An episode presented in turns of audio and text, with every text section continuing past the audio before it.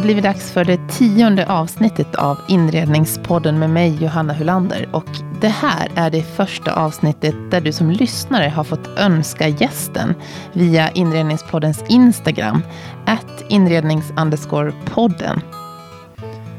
Allt började med en viss revanschlust efter att som barn ha blivit kallad fattigmansbarn. Och hans intresse för fastigheter gjorde att han köpte sig en kolonistuga redan som tonåring och en större fastighet som 21-åring i Landskrona. Idag driver han ett fastighetsbolag som specialiserat sig på passivhus. Och han är så duktig på att renovera hus att han gjorde att ett övergivet stall blev ett av de mest sedda hemmen i Sverige när det såldes för något år sedan. Han har cirka 40 000 följare på Instagram som följer hans hus och inredningsintresse. Välkommen till Inredningspodden, Robin Berghuisen.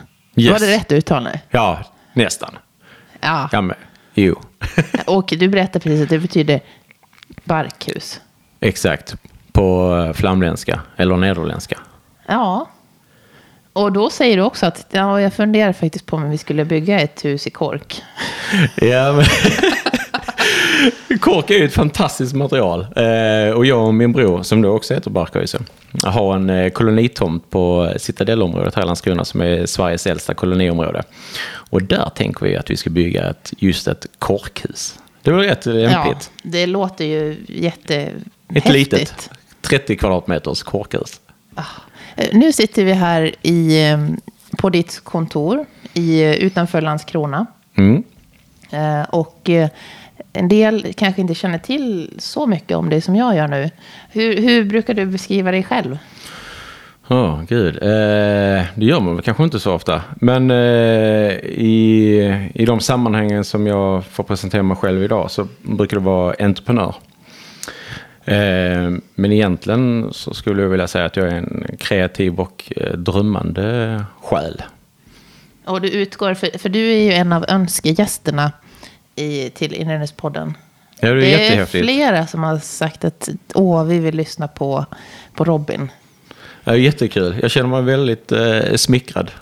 Verkligen. Men, men någonstans så landar allting i ditt eller utgår allting från ditt intresse för arkitektur och design och, och ett driv? Ja. Det är ju, eh, alltså inrednings och arkitekturintresset har jag haft sedan jag var, jag vet inte, så länge jag kan minnas. Den klassiska, du vet, eh, möblera om eh, rummet och måla om rummet när jag var, jag vet inte, 10, 11, 12 år gammal sedan dess. För din boendekarriär är ju faktiskt som en modern Cinderella, Cinderella story. Jag vet inte vad det heter för män. Men eh, det kan vi fundera på. Du växte upp i ett kollektiv med din ensamstående mamma och syskon. Mm. Så köpte du en kolonistuga. Ja. När du var Ja, jag kan väl ha varit en... Tonåring? 18-19 eh, någonstans där. Du är nästan vuxen, är man inte det? Ja, vissa är ju. Någonstans där ja, som jag renoverade och eh, sedan sålde. Och sen efter det så köpte du en egen fastighet. Då jobbade du och tjänade pengar och köpte en egen fastighet som du också tokrenoverade ja. och sålde. Då var jag 21. Det var, eh, jag ska inte säga att jag var livrädd, men jag var fruktansvärt nervös över att köpa den fastigheten. Eh, det var en liten fastighet på en jättefin gata i Landskrona som kallas Engelska gatan med fyra små lägenheter. Eh, men jag hade inte nätverket. Alltså jag visste ju ingenting egentligen förutom att jag visste att jag ville bygga om den här. Men att äga en fastighet hade jag ju ingen aning om. Men min mamma sa att jag kan ingenting om det här. Men jag lovar att det jag inte kan och det du behöver veta ska jag se till att hjälpa dig att ta reda på. Och vilken mamma. Eller hur? Stålmamma.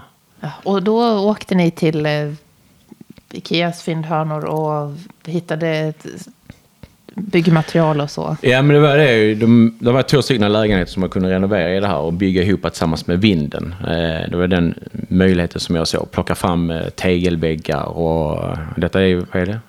Ja, shit, det är ju 90 19 år sedan, snart 20 år sedan. Eh, men, och jag hade knappt några pengar överhuvudtaget. Eh, alla pengar hade jag gått åt till att köpa fastigheten. Så Så det var det Ikeas fyndhörna var och varannan dag. Hittade liksom skåp för skåp och byggde upp köken, de nya köken utifrån det. Likadant med badrummen. Och... Så det tog sin lilla tid. Eh, men det blev jättesnyggt. Jag skulle vilja säga att det håller fortfarande idag faktiskt. Men du sålde den med Ja. god vinst. Ja, tre år senare. Och sen var din bostadsintresset Eh, för att köpa och sälja fastigheter igång. Ja, men då såg jag ju att eh, här har jag faktiskt en talang. Eh, att ta någonting och ha de ögonen som kan se vad man kan göra med det. Eh, så eh, efter det så köpte jag och eh, sålde både hus och, och någon lägenhet och eh, något lite större projekt i, i Lund. Bland annat med åtta stycken lägenheter som renoverade då helt totalt från grunden. Och sen köpte du och din sambo ett övergivet stall. Som säkert många som lyssnar har sett i den här tv-serien Vem bor här? Mm. Och det, det blev ju en helt osannolik hype kring den här gården som ni renoverade då. Jag är ett gammalt stall och eh, det som du sa, det blev magiskt mycket uppmärksamhet eh, kring det. Eh, men det var, från början så var det att jag köpte det som ett projekt, en i raden. Att jag såg liksom att det här gamla stallet, tänk att få göra om detta här. Men, och jag gjorde det i sakta takt. Och jag eh, nördar ner mig i detaljer på ett annat sätt som jag kanske inte har gjort riktigt eh, innan. Jag har alltid liksom väl gjort mycket med hjärta och så. Men här höll jag på med ja, men gångjärnen skulle bli svarta. Hur kunde de göra det? För de skulle matcha handtagen. Och jag ritade innerdörrarna. Och, eh, Magnus Scharfs eh, snickare då som hjälpte mig. Han, först testade vi lacka dem, det gick inte det. Och sen så kom han på att vi kunde oxidera dem så de skulle bli som samma svarta som i handtagen. Så på den nivån höll vi på med i detta huset. Eh, Oj, oj, oj. Och eh, till sist var det bara så, ah, men shit fan vi måste ju flytta in här. Men det var också, hur delaktig var din sambo i det hela? Eh, stark påhajare. Eh, och från början eh, så såg hon ju bara liksom en jordhög och ett skruttigt hus och tyckte inte alls det här var någon, något kul. Men efterhand som det byggdes upp och så och hon också kunde se charmen och känslan så blev hon ju väldigt delaktig också. Men hon, eh, hon är snäll. Hon låter mig ta eh, och få leva ut min kreativitet i, i det här rätt så mycket. Och hon är ju smart, för det blir ju bra. Ja, det kan vi säga. Att hon är svar.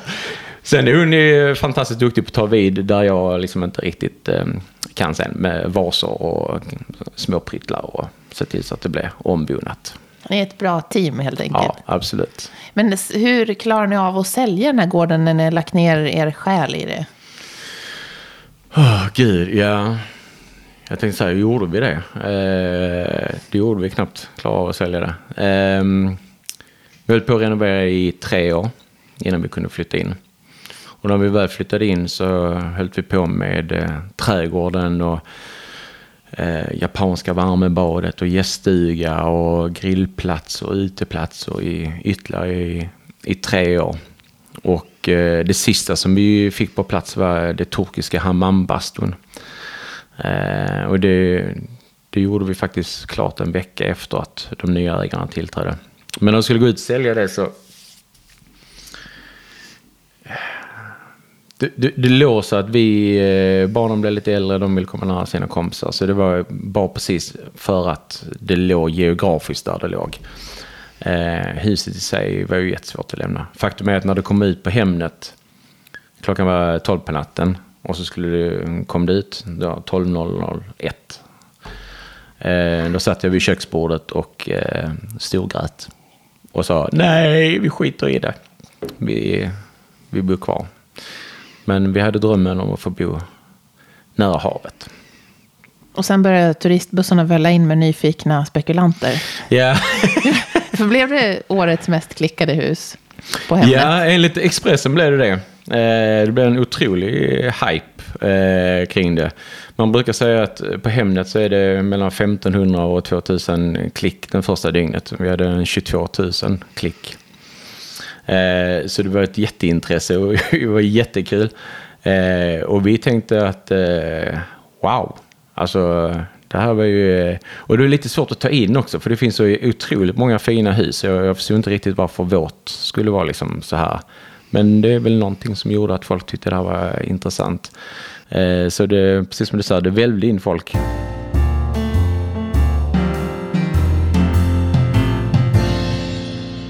Vad är det som gör att de fastigheter du jobbar med, att de blir så populära? Du måste ju ha en känsla som är, att, som är som tilltalar en stor del av svenska folket. Ja, men så är det väl kanske. Eh, och jag tror att det är väl eh, känslan för eh, känslan för en, en härlig atmosfär. Ehm, alltså nyproducerat, bara liksom vanliga ja, allting är nytt och slätt och så. Jag har aldrig tilltalat mig och så, utan någonting, att man skapar någonting med känsla och själ. Det är nog det kanske. Eh, och det är väl det som vi många drömmer om. Eh, du vet, något gammalt renoverat, fint, charmigt hus. Det, och jag tycker också om det. Så därför har jag kanske blivit duktig på det. Då. Hur, sen köpte du ju ett konkursbo var det ju faktiskt. Mm. Exakt. Ett fastighetsbolag. Ja, eh, en husproducent, eh, Emmerhus, och det är här vi sitter nu, eh, som byggde eh, energisnåla eh, villor. Eh, jättelitet eh, företag, men med en intressant profil. Att just att eh, satsa på miljötänket. Det är ju så att vi måste verkligen göra någonting åt miljön. Eh, det är snart för sent och eh, då behöver man bygga energisnålare. Så det tyckte jag var en eh, jätteintressant eh, nisch och eh, tog det vidare sen till att bygga det som passivhus. Ja, för det är ju något, för det bygg, nu har du, du har lämnat det, de gamla husen mm. på ett sätt och går mot det här nyproducerade nu då. Ja. Hur, eh, jag tror inte alla vet vad passivhus är för någonting. Nej, tyvärr inte. eh, passivhus är ett eh, extremt energisnålt och lufttätt hus. Eh, som gör att du får ett väldigt fint inomhusklimat men också en väldigt låg eh, energiräkning. Eh, enkelt uttryckt. Som ett exempel kan jag nämna att en villa som vi byggde på 134 kvadratmeter. När vi besökte det på årsdagen så har de förbrukat en 306 kilowattimmar. Det vill säga en eh, 250-300 kronor i månaden i driftkostnad. Då. Det är ju en besparing. Ja, verkligen. Verkligen, ja. Men jag tycker med passivhus är den stora vinsten är det fina inomhusklimatet som man får. Mm. Och det blir, vi var innan ute och tittade på ett projekt som, där, dit ni ska flytta själva då. Mm. Och det såg ju, ja nu har de inte kommit upp, men det ser ju ut att bli fantastiska bostäder såklart. Det är eh, kvarteret Morgondoppet eh, som, eh, som vi har tagit fram som ett, eh, Eh, ett litet projekt. Eh, det är ett mikrokvarter i Borstahuset i Landskrona som ligger precis vid havet. Eh, fantastiskt läge med naturen utanför. Och det blir sex, stycken lägenhet, sex stycken hus och en lägenhet, en liten lägenhet. Hur, hur skiljer det sig att jobba från, nu sitter vi på ert kontor som också är ett var det ett, ett garage egentligen? Nu? Ja, en del eh, i rundvandringen var ett garage och en del är ett gammalt stall, häststall, eh, där nere där vi har köket. Eh, och det här är väl Ja, kanske en gammal yoga, jag vet inte. Ett jättecoolt kontor. Allt är ju specialtillverkat. Och man, du, det mixas ju nytt och gammalt om vartannat. Men jag tänker nu när du gör ett sånt här nyproduktionsprojekt. Det blir ja. en helt annan grej. Ja, men det är ju det som är svårt med nyproduktion. Alltså, tycker jag. Att hitta den här äh, känslan. Det funkar liksom inte att ta äh, gammalt tegel och bygga upp någonting. Alltså det får inte lov att bli fake, eh, tycker jag. Eh, och då måste man ju hitta charmen på någonting annat sätt. Om du bara gör saker för liksom, som en kuliss så blir det liksom oärligt och så. Eh, så i, i kvarteret Morgondoppet så har vi jobbat jättemycket med eh, ärliga material. Eh, där vi använder oss av eh, grunden, betongslipar vi den till exempel till en silkeslen yta. Som, då får man den här Eh, robusta eh, känslan i det. Eh, mellanbjälklaget är eh, ett träbjälklag eh, med samverkan. Nu blir det lite nördigt i det här, men det, men det är ett samverkan i ett betongbjälklag. Det gör att, eh, och så fri har man det synligt, så man ser bjälkarna och, och betongen där uppe också. Eh, och jobbar man på det sättet eh, med de tjocka väggarna som man, det blir när man bygger eh, passivhus, det är en halv meter tjocka, så kan man få den här robusta och eh, charmiga eh, själen även i ett nyproducerat hus. Ja, det låter otroligt inspirerande. Jag måste nästan få komma ner igen och titta när det är, när det är klart. Ja, Får man bjuda välkommen. in sig själv då? Absolut. Ja, då jag kommer nog jag då. Vi hoppas på att du kan få en, en bra spridning. För jag, jag tycker verkligen att det är ett, um, ett projekt där vi har, har, där vi har lyckats.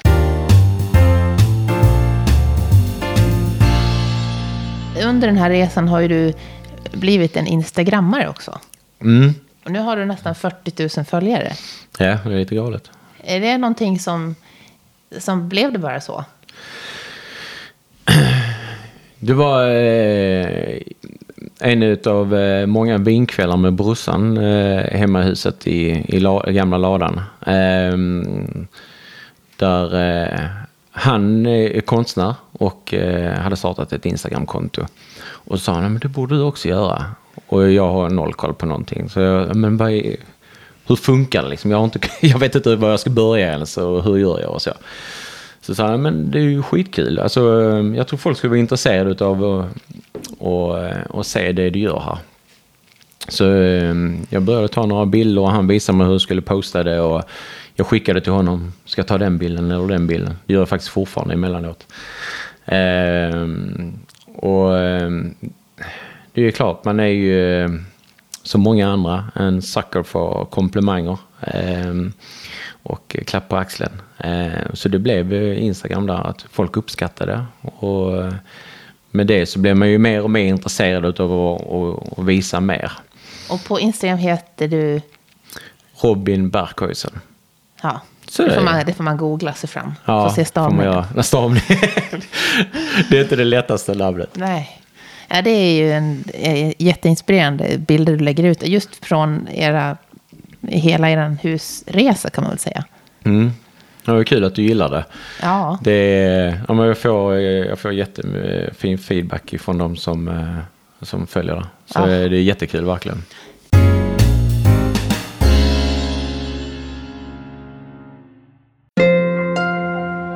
Nu i januari så kommer äntligen det första nyhetsbrevet att skickas ut månadsvis. Så skriv in din mejladress på inredningspodden.com så missar du inga nyheter, erbjudanden och specialmaterial från olika gäster.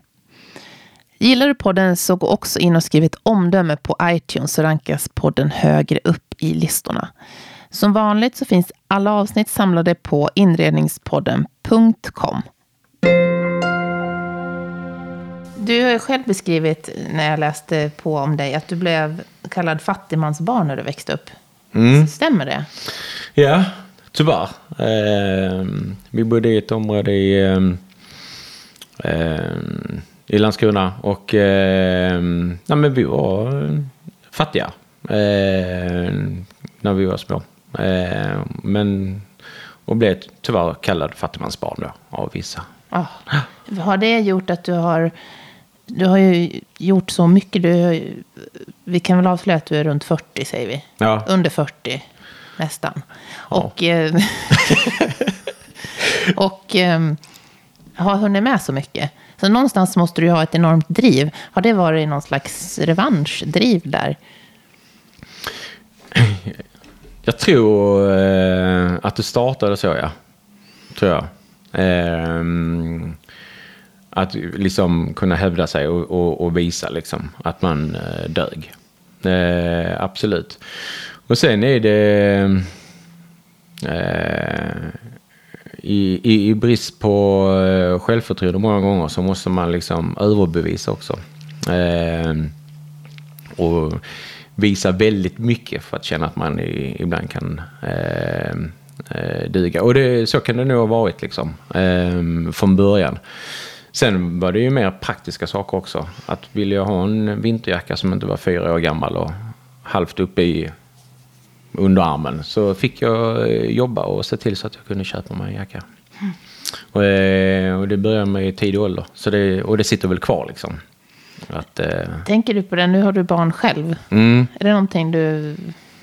Hur, hur hanterar du det? Ja, men, eh, ja, det gör jag. Jag tänker jättemycket på det. Faktum är att i, mm, i vårt hus som vi ska flytta in i, eh, där på morgondoppet, så har vi dubbla entréer. Det ena entrédelen är eh, eh, uppglasad som en eh, liten gammal butik. Så det blir en dörr med skyltfönster och, så.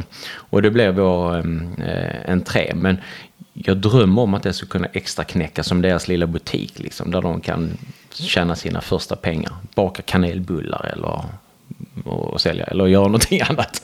Ja, vad häftigt. och skapa förutsättningar för dem att de ska kunna bli liksom, eh, drivna. Men ja, man kan bara skapa förutsättningar, man kan inte tvinga dem.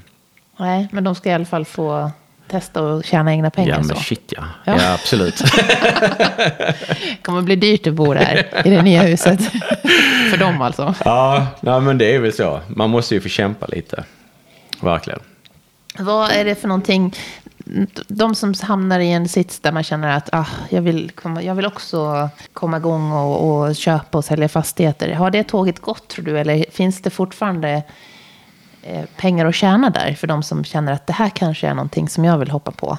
Nej, jag tror inte det tåget har gått. Eh, och, eh, och det kommer ju gå i cykler liksom, eh, som allting annat. Ehm, Däremot är det ju så att jag tror att eh, just nu så är ju den tiden över där eh, de som bara gör det för att tjäna pengar ehm, eh, som köper och säljer eller bygger något nytt och, ska sälja enbart för pengarnas skull. Det tåget har kanske gått. Men för de som har liksom en, ett annat syfte, liksom, och förverkliga sig själv i sina projekt och, och gör det med hjärta och, och gör det ordentligt och, och tänker igenom det så att eh, köparna kan känna det. Det, är liksom, det, det finns fortfarande och det kommer nog alltid finnas tror jag. Mm. Det, mm. Mm. Och du sa det innan att läget är ju det som är det viktigaste. Om man ska mm. testa att sälja och köpa och köpa och sälja. Mm.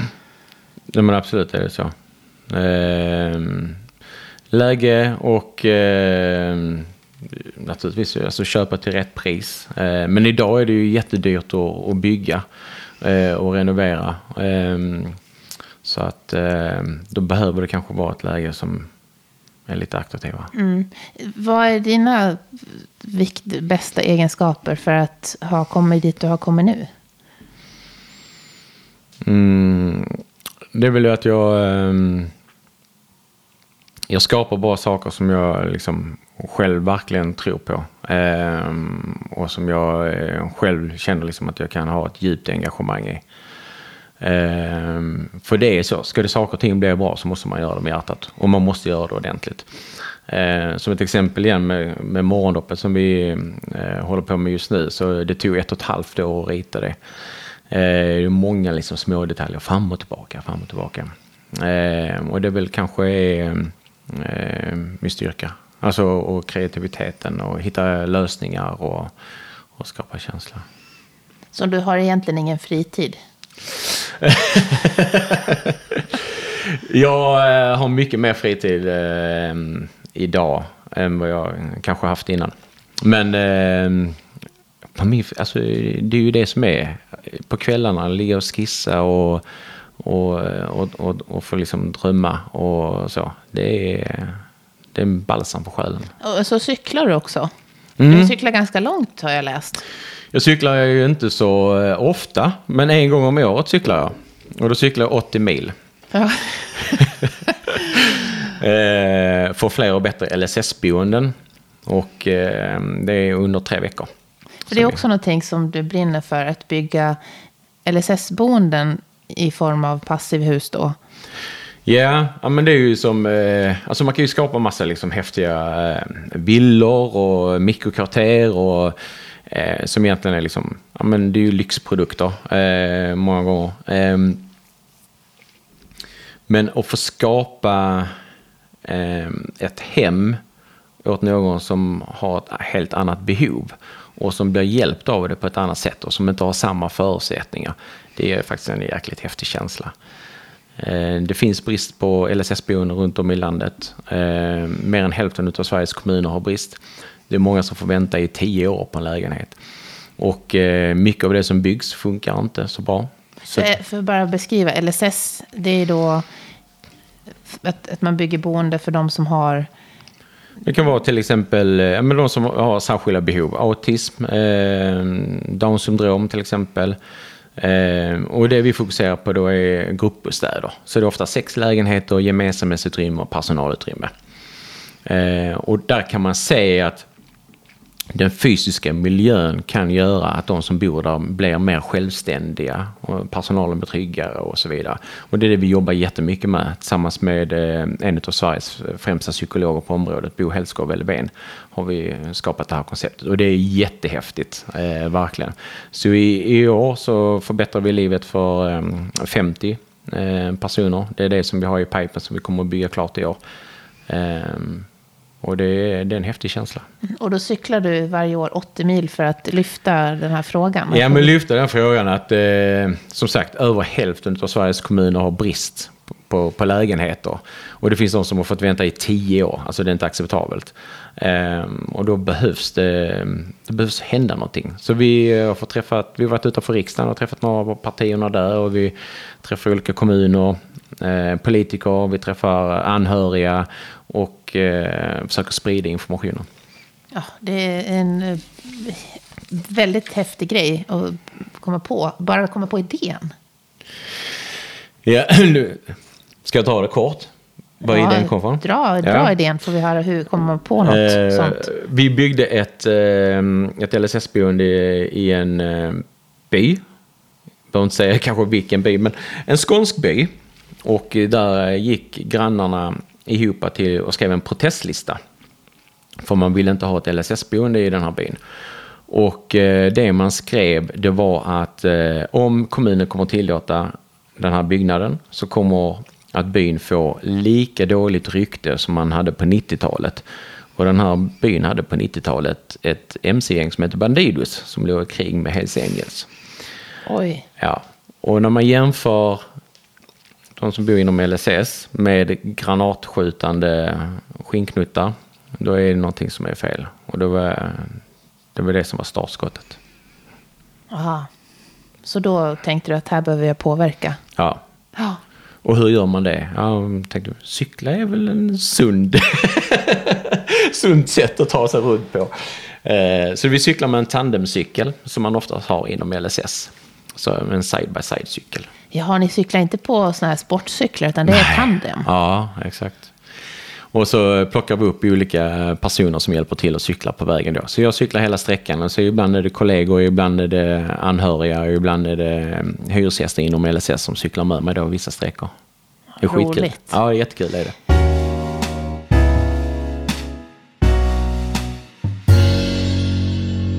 Nu, som sagt, så har du ju uppnått så pass mycket redan i ditt liv. Vad blir nästa fas?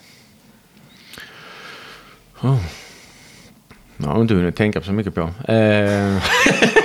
är så full, man är så fullt upp i, i vardagen idag. Eh, men drömmen är ju att få växla upp det som är min kärnverksamhet. Och kärnverksamheten är ju Emrahus och eh, våra LSS-boenden. Att eh, vi förändrar förutsättningarna för 50 personer i år. Men jag skulle vilja växla upp det här riktigt ordentligt så vi kanske kan förändra förutsättningarna för 500 personer om år och skapa nya lägenheter. Det, det är väl nästa steg. Det kan jag känna. Mm. Vad är det som står på din privata bucketlist då? Bucketlist? Eller vi kanske inte behöver yeah. ha en bucketlist. Men jag tänker, är det någonting så här att ja, men jag det här vill jag... jag, jag problemet med bucketlist är att man måste tänka på döden. För det är så att innan, saker man ska göra innan man dör. Och det är en av mina sådana, usch, det här vill jag inte tänka på. Eh, men några saker som jag verkligen skulle vilja göra är åka något tåg, 1920-talståg. Du vet sådana här med restauranger med vita dukar och eh, riktigt de här fina gamla tågen. Ja, Eh, det Orientexpressen. finns- Ja, exakt. Ah. Det hade ju varit någonting. Ehm, sen är det och ehm, bygga den här kolonistugan. Det vill jag se till att hinna och, och göra. Jag byggde en till. Nej, den, Är den här i kork? Ja, den är Ja. i kork. Det tycker jag är ett häftigt eh, projekt som jag gärna skulle vilja göra. Kommer det att bli någon sån här som du kommer att sälja vidare sen då? Nej, Alltså ska man, kommer en lösning att den här kan, man, kan andra också köpa sen? Spontant, ja, för så är min, det är så min entreprenörssjäl funkar. Ehm, men vi får se ehm, eh, om man hinner med det också. Men det har varit spännande faktiskt. Men själva den kolonin kommer vi behålla, jag och min bror. Det, ehm, det blir häftigt. Annars på bucket list, det är ju, eh, resa är ju en, en väldigt fantastisk eh, sak att få göra. Eh, så Kuba är ett land som jag gärna skulle vilja se, till exempel. Så tåg och resa. Hur lång har man en bucket list? Hur lång, hur lång lista har man där egentligen? Ja, Jag tror jag har, okej, jag har sju punkter. Sju punkter. Ja. Är det resa? Eller är det Jag ska annat? åka Vasaloppet. Ja. Ja, så jag har sådana mål. Men det är ju, det är ju som sagt att bygga kork. eh, Då ju... kan jag ha att jag ska springa en mil. Ja. Mm. Man kan ju sno av varandra. Ja, eh, ja men det eh, resa skulle jag vilja göra mer. Så. Om du, I det här programmet får man ju önska en, en gäst som, som kommer längre fram. Mm. En drömgäst. Vem skulle du vilja lyssna på? Vem är det som inspirerar dig? Åh gud. Um, så, um, Har du några personer som du känner att den där personen får, får inspiration av? Eller känner du att nej, jag behöver inte det? Jo, men absolut. Jag får ju jättemycket inspiration hela tiden. Man snor ju hejvilt i, i den här idén. Ja, men man säger någonting där och man säger någonting där och så, oh, det här var en bra idé. Och så plockar man ihop lite olika delar. Det är ju, det är mycket så. Ehm, jag tycker att eh, Jonas Lindvall, eh, arkitekt och designer, han eh, gör jättefina grejer. Och skapar koncept som är inte bara husen utan även inredningen och, ett helhetstänk som jag verkligen gillar. Ehm, mycket custom och ja, läckra grejer och lite udda grejer. Ehm, till exempel har han gjort en köksö helt i, i marmor. Och eh, en väldigt trevlig är han också. Jag har haft förmånen att få åka till eh, Design Week i Mima- Milano med honom och några andra arkitekter. Han, eh, ja, honom kan du prata med. Kul. Det, han ska jag kontakta. Mm. Hur hittar man dig om man vill komma i kontakt med just dig? Lättast är eh, via Instagram, Robin Barkhuisen. Och där finns en länk också till min mailadress. Eller så är det på emrahus.se. Vilken fråga skulle du ställa till dig själv som jag inte har ställt?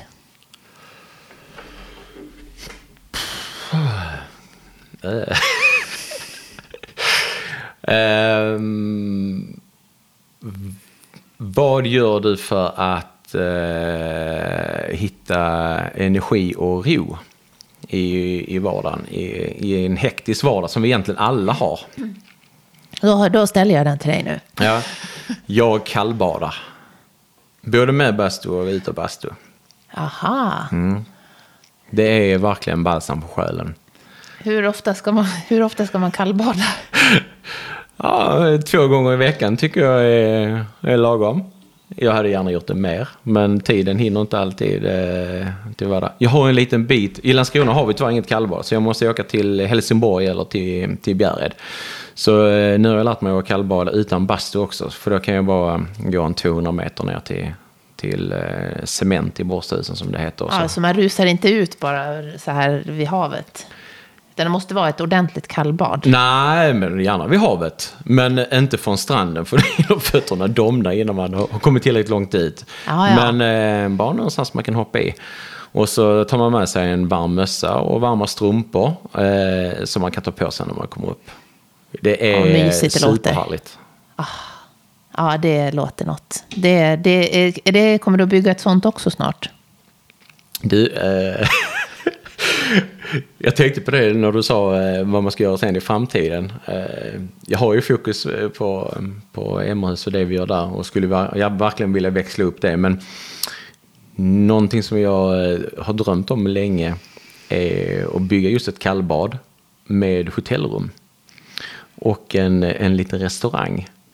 Ehm, så att eh, en, en fiskrestaurang och ett kallbad eh, ute på vattnet då eh, med en 20 olika hotellrum som man kan få designa och, och inreda. Faktum är att jag reggade hotellkallbad.se och restauranghav.se kanske för en åtta, nio år sedan. Eh, Oj då. Så, så det är väl en dröm om eh, att kunna få göra någon gång i, i framtiden. Mer som Spännande. ett häftigt projekt. Åh, det låter ju också jättespännande. Tusen tack Robin för att jag fick komma hit. Ja men tack så jättemycket för att du ville komma hit. Det eh, känns jättekul. Tack så jättemycket.